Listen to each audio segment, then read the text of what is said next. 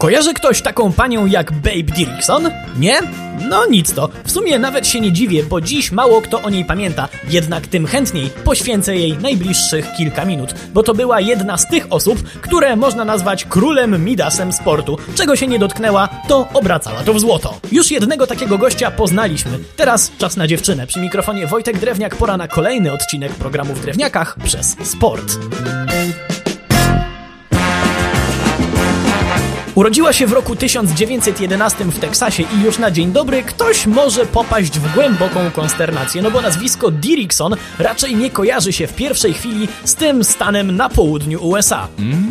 To prawda, nasza dzisiejsza bohaterka była córką norweskich emigrantów. Córką niesamowicie uzdolnioną, bo pięknie szyła, śpiewała i grała na harmonijce ustnej. Nawet parę płyt wydała w życiu. Aha, no i sport uprawiała. Co dokładnie? Przejdźmy szybko do roku 1932, kiedy to parę tygodni przed Olimpiadą w Los Angeles zorganizowano zawody eliminacyjne do tej imprezy. Tak jest, takie to były czasy, że taka sportowa potęga jak USA robiła eliminację do tej prestiżowej imprezy na kilkanaście dni przed nią i to jeszcze w formie zawodów drużynowych. To tylko pokazuje, jak ranga olimpiady od tej pory urosła. No ale dobra, powiedzieliśmy sobie, że to była impreza drużynowa. Nasza Babe reprezentowała zespół Employers Casualty Insurance Company of Douglas, które wygrało w biegu na 80 metrów przez płotki, skoku w dal, skoku wzwyż, wrzucie oszczepem, pchnięciu kulą i rzucie piłką baseballową. Całkiem imponujące osiągnięcie, zwłaszcza jak uściślimy sobie, że Babe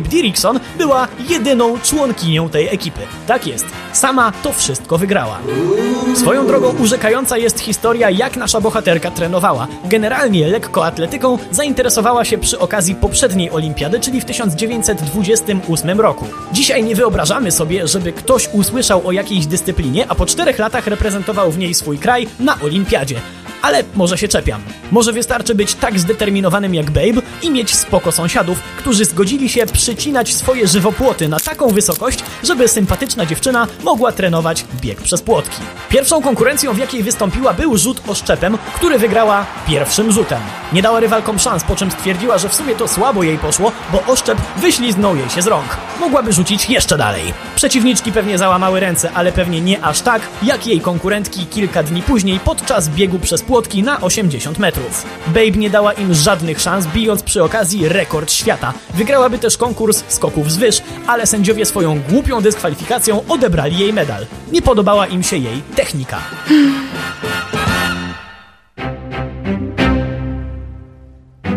Jak sobie policzymy, ile wtedy miała lat i nie, nie udaje, że liczę, jeszcze bym się zbłaźnił, to sobie policzyłem wcześniej i zapisałem. W każdym razie wyszłoby nam, że miała ich 21. Mogłoby się wydawać, że lekkoatletyczna kariera dopiero się dla niej rozpoczynała, ale wolała pieniądze. Takie były wtedy przepisy, że jak się coś reklamowało, to nici z występów olimpijskich. Babe dała się skusić firmie produkującej samochody i co?